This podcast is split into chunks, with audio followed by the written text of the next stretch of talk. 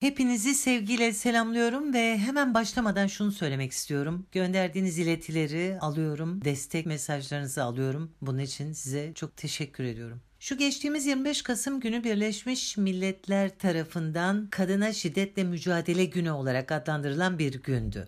Geçenlerde feminist bir grubun bu tanıma erkek ve devlet şiddetiyle mücadele dediğini de duydum. O nedenle bu konuya biraz zaman ayırmak istiyorum. 25 Kasım'ın simgesi Mirabel kardeşlerdir. Sisteme muhalif üç kız kardeş. 1960'ta Dominik Cumhuriyeti diktatörü Trujillo tarafından korkunç bir şekilde öldürülmüşlerdir. Ve Birleşmiş Milletler ilk olarak 1990'ların başında kadına şiddet kavramından söz etmeye başlamıştır ve 1999'da da Mirabel kardeşler anısına 25 Kasım gününü kadına şiddetle mücadele günü ilan etmiştir. Yani kız kardeşlerin katlinden tam 40 yıl sonra. Bu davranışın şu meşhur demokrasi projesiyle doğrudan ilişkili olduğunu düşünüyorum. Yani demokrasi projesi 1983'te Başkan Reagan tarafından ilan edilmişti. Projenin en önemli ayaklarından biri hedef ülkelerde kadınların kullanılmasıydı. Nasıl kullanılacaktı kadın? Sistemin feminizm akımıyla hedefi kadını hak mücadelesinde erkekten ayırmaktı. Yani sınıfsal kavgayı cins kavgasına çevirmek işine geliyordu ve bunu yapmaya çalışıyordu. Sendikaları öldürüp ya da sarartıp yerine sivil toplum örgütlerinin kullanılması nasıl işine geliyorsa aynen öyle. Birleşmiş Milletler de malum Amerika'nın denetiminde bir yapı ve özellikle 90'larda kadın, çocuk, gençlik, çevre gibi konularda özel bir hassasiyet göstermeye başlamıştır. Bu hassasiyet tabii ki tam da o yıllarda katledilen Irak, Azerbaycan ya da Bosna halkı için ya da onların kadınları için söz konusu değildir. 1980'lerde demokrasi projesiyle yumuşak güç kullanımı kararı bağlanmıştır. Kadına şiddete hayır sloganlaştırılmıştır o dönemde ve içi boşaltılmıştır. O günden beri her 25 Kasım'da ya da 5 Aralık'ta ya da 8 Mart'ta bunun örneklerini görürüz, duyarız. Bizim tırnak içinde ilerici entelektüel hanımlar her konuda olduğu gibi Batı hangi yönü işaret ediyorsa o yöne bakarlar. Kendilerine örnek aldıkları direniş modelleri genellikle Batı'nın, Avrupa'nın, Amerika'nın sivil toplumcularının işaret ettiği modellerdir. Bu anlamda entelektüellerimiz tam anlamıyla mandacıdırlar. Evet, mandacıdırlar. Aldıkları eğitim nedeniyle kafaları ve gözleri Amerika ve Avrupa'dan gelmeyen örneklere kapalıdır. Kadına şiddete hayır diye ortaya çıkan kadın oluşumlarının çoğu batı odaklarından gelecek fonlarla yakından ilgilidir hem kadına şiddete hayır diyerek sosyal sorumluluklarının gereğini yerine getirip rahatlarlar, aynı anda batılı örgütlerden Avrupa Birliği veya Amerikan sivil toplum odaklarından verilen fonlara kavuşurlar. Peki batılı odaklar Türkiye'de kadının şiddet görmesine karşı mücadeleyle neden bu kadar ilgilidirler? Sadece batılı ve çok medeni oldukları için mi? İşte bence araştırmamız gereken asıl konu budur. Çünkü gerek Amerika'da gerek Avrupa ülkelerinde kadına şiddet hat safhada. Amerika'da her dört kadından biri şiddet görüyor. Almanya ve Fransa'da her üç günde bir bir kadın öldürüldüğü rapor ediliyor. Yani kendi dertlerine deva bulamamışken gelip Türkiye ve birçok diğer ülkede bu konuya eğilmeleri, yeni yasalar çıkarılması için tavsiyelerde bulunmaları, kadın örgütlenmeleri için bir yığın fon ayırmaları çok ilginç değil mi? Gerek Birleşmiş Milletler gerekse batılı sivil toplum örgütleri neden kadın, çocuk ve çevre konularında bu kadar hassaslar ve her ülkeye el atmak ve orada temsilcilikler ya da bayilikler mi desem oluşturmak için bu kadar hevesliler? Onların herhangi bir ülkenin kadın ve çocuklarını pek önemsemedikleri, sadece petrol ve gaz için ateşe verdikleri coğrafyalardan belli. O zaman kadın çocuk tacizlerini dillerine dolayarak kat edecekleri bir yol olduğunu anlıyoruz. Ve bu yol kendi ülkelerinin çıkarlarına hizmet edecek bir kurguya işaret ediyor. Bırak Allah aşkına bunlar hep komplo diyen birilerini duyar gibiyim. İşte tam bu aşamada birileri bu lafları ediyorsa onlara da iyi bakın. O kurgunun yerel kuklaları onlar olabilir. Joseph Nye diye bir adam var. Amerikan derin devletinin teorisyenlerinden biridir Joseph Nye. Yumuşak güç, daha sonra da akıllı güç kavramlarını ortaya atan adamdır. Bu kavramlar konumuzla çok ilgili. O yüzden kadın, çocuk, çevre vesaire sivil toplum örgütlerinden bahsederken bu ismi Joseph Nye'nin ismini anmak gerekir. Adamın dediği şu, Amerika ülkelere kendi dediğini üç yolla yaptırabilir diyor. Birinci yol sopa kullanır. Yani zor kullanır. Bombalar, silahlı tehdit, örtülü operasyon yapar vesaire vesaire. İkinci yol havuç uzatır. Yani fonlar, para verir. Üçüncü yol çekim gücü yaratır. İşte bu çok önemli. Joseph Nye diyor ki üçüncü yol çekim gücü yaratmaktır. Diğer ülkelerdeki aydınlar Amerika'nın ya da Avrupa'nın değerlerine hayran bırakılmalıdır. Çocuklarını onlar gibi yetiştirmek istemelidir tüm aileler. Siyasi değerleri, insani değerleri batıdakilere benzemelidir. Batı Türkiye için bir çekim merkezi haline getirilmelidir. Ve getirilmiştir de. Yani diyor ki ülkelere yumuşak yumuşak sızılmalıdır. Yumuşak güç için değerler sistemi dayatılırken kadın ve çocuk ve çevre konuları en başta yer alır. Çünkü bu konular etrafında örgütlenme gerçekleştirmek çok daha kolaydır. Her ülkenin elitinden seçkin kadınları sistemi savunacak şekilde eğitmelidir. Öyle düşünmeyenler dışlanmalıdır, aşağılanmalıdır. Sistemin adamı olanlar efendilerinin sözlerini tekrarlamalıdır. Mesela kadına şiddete evet denebilir mi? Mümkün mü bu?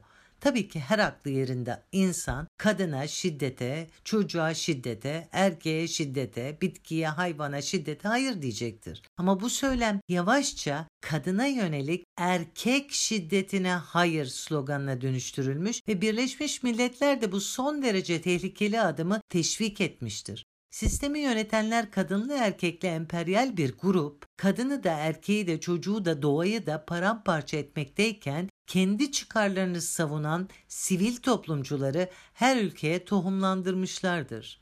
Onlar iş dünyasının başındadır, basın yayının başındadır. Sosyal medyada onların borusu öter. İstihbarat örgütlerinde onlar vardır. Tabii ki üniversitelerde çocukları onlar eğitir.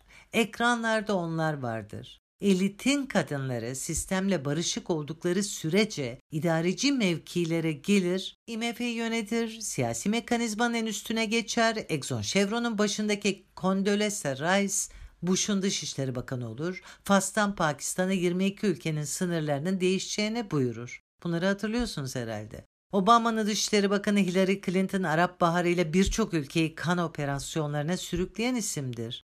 Kaddafi linç edildiğinde sevinç çığlıkları atan Clinton, Orta Doğu'daki tüm kan operasyonlarında sahnede zafer işareti yapmıştı ve kadındı. Madeleine Albright'ı hatırlayın. Demokrasi projesiyle tüm terör gruplarını hedefe koydukları iktidarlara karşı kullandıklarını açıkça itiraf etmişti. Binlerce kadın, erkek ve çocuğun kanı ellerindeydi. 1980'lerde İngiltere'nin kadın başbakanı Thatcher, İngiltere'nin kadın hükümdarı olan 2. Elizabeth'e kabineyi sunduğunda kabinesinde tek bir kadına yer vermemişti. Demem o ki küresel çete kadın adam tanımaz. O işine bakar. Onlar küresel bankerlerin maşaları, android memurlarıdır. Filmlerde var ya robotlardan az farklı kadın ve adamlar. Onlar. Aynı çete orman kanunu içinde yaşam mücadelesi veren ve giderek aklını kaybeden insanlar birbirini yemeye başlayınca kadınları koruma dernekleri kurar. Sempozyumlarda korudukları kadınlar hakkında vahşi erkek doğasından konuşup günler ilan ederler. Önemli olan sistemin zulmünün görünmez olması, aşağıdakilerin birbirini kırmasıdır.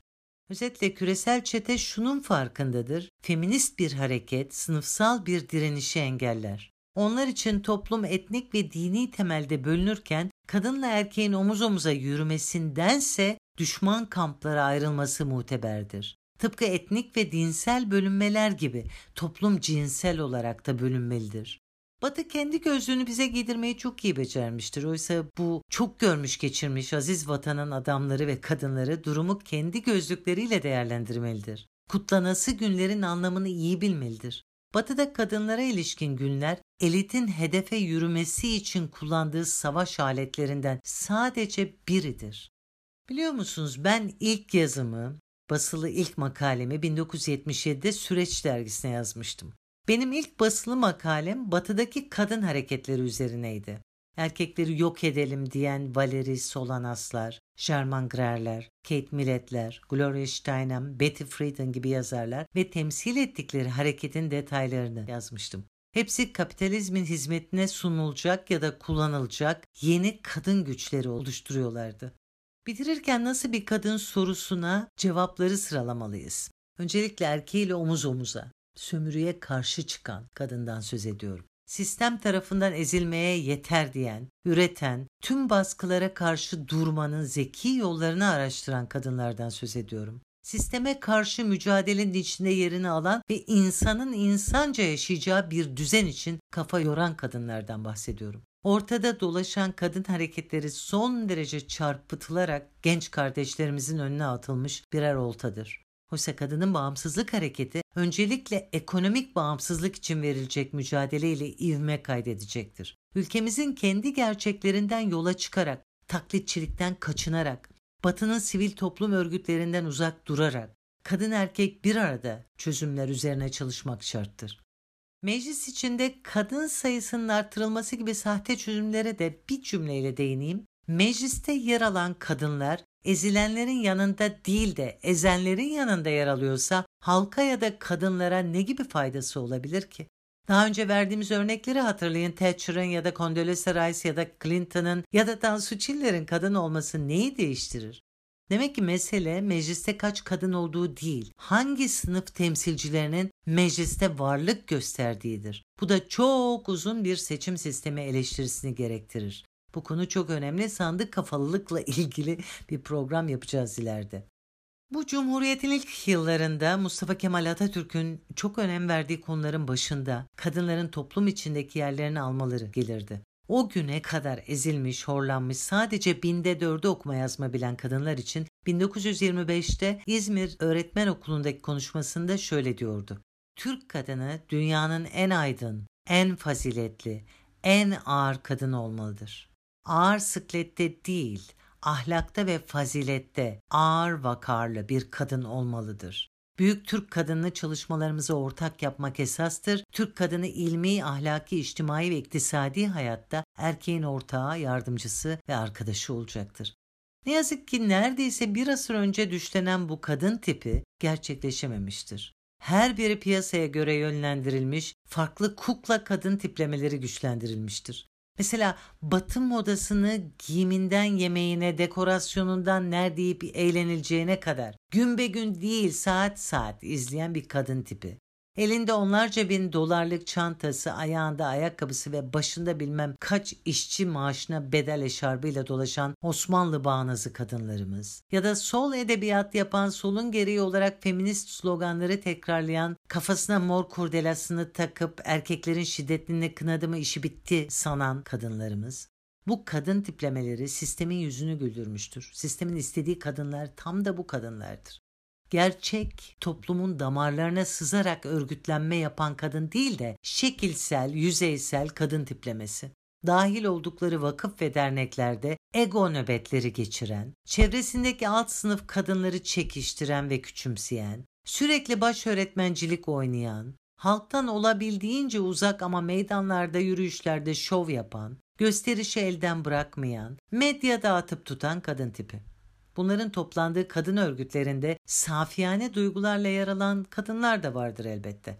Bir müddet sonra durumu anlayıp uzaklaşırlar. Her gün yeni bir kadın örgütlenmesi ortaya çıkıyor. Bakın dikkat edin. Son yıllarda Birleşmiş Milletler eliyle moda yapılan zannediyorum bin, e, 2014'te. He for She, kadın için erkek hareketi. Batı ile ilişkili akademisyenler ve onların dahil olduğu oluşumlar vasıtasıyla Türkiye'de tüm üniversite kampüslerine yayıldı. Bu oluşum da Birleşmiş Milletler eliyle dünyanın her köşesindeki genç nüfusu hedef aldı. O Birleşmiş Milletler ki dünyanın birçok ülkesinde Vietnam'dan Irak'a, Filistin'e, Afganistan'a, Bosna'ya, Suriye'ye tüm katliamlara bakar kör olmuştur. Ama kadın ve çocuk hakları diye mangalda kül bırakmaz. Ve bu martavallarına samimi olarak inananlar vardır ya da alınacak hibe vesaire nedeniyle oyunu kurallı oynayanlar vardır.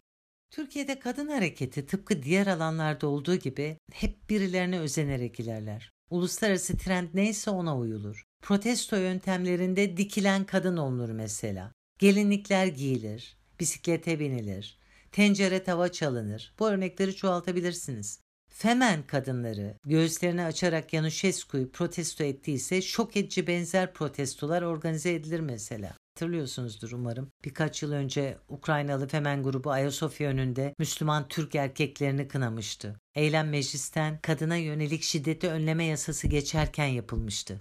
Güzel genç hanımlar, Ukraynalı hanımlar birden iç çamaşırlarıyla kala kalmışlardı ve Ayasofya'nın önünde İngilizce ve Rusça pankartlar açmışlardı. Barbarlara ölüm diye, asit saldırılarına son falan diye ve çıplak gözleriyle basının tabii ki ilgi odağında oldular. Vücutlar çıplak, yüzlerde asit yanığı makyajlar vardı. Müslüman Türk erkeğinin Müslüman Türk kadınına soykırımı durdurulmalı ana fikrini işlemişlerdi. Tüm bunlar doğru ile yanlışın birbirine macun yapıldığı bir ortam hazırlıyor. Burada sorulması gereken çok önemli bir soru var. Hangi? Hangi erkek? Hangi kadın?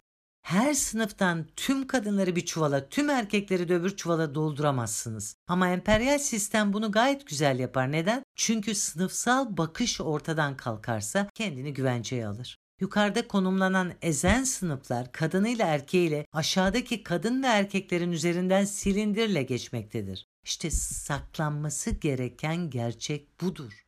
Bunları 25 Kasım ya da 5 Aralık günü değil de herhangi bir gün sizlerle paylaşmayı özellikle istedim. Kadına şiddete hayır diye bağıranlar ilan edilmiş kadın günleriyle bir yere varamayacaklarını bilmelidirler başka oyunlara meze olmamalıdırlar. Bataklık kurutulmadan sadece sivrisineklerle oynanacağını iyi bilmeliyiz. Kadına şiddete hayırı samimiyetle söylüyorsak milli bir hükümet için çalışmalıyız. Ekonomik şartların düzelmesi için çalışmalıyız. Toprak reformunun yapılması için elden ne geliyorsa yapmalıyız. Ağalık sisteminin karşısına geçmeliyiz. Bunlar başarılmadan şiddet filan bitmez. Sadece bağırıp çağırıp gaz çıkarmış ve kendimizi tatmin etmiş oluruz. Sistemin istediği de tam tamına budur. Sorunları parçalara ayırmak ve parçalar içinde oyalanan kitleler yaratmak. Böylece hiçbir soruna çare bulunamayacağını garantilemiş oluruz.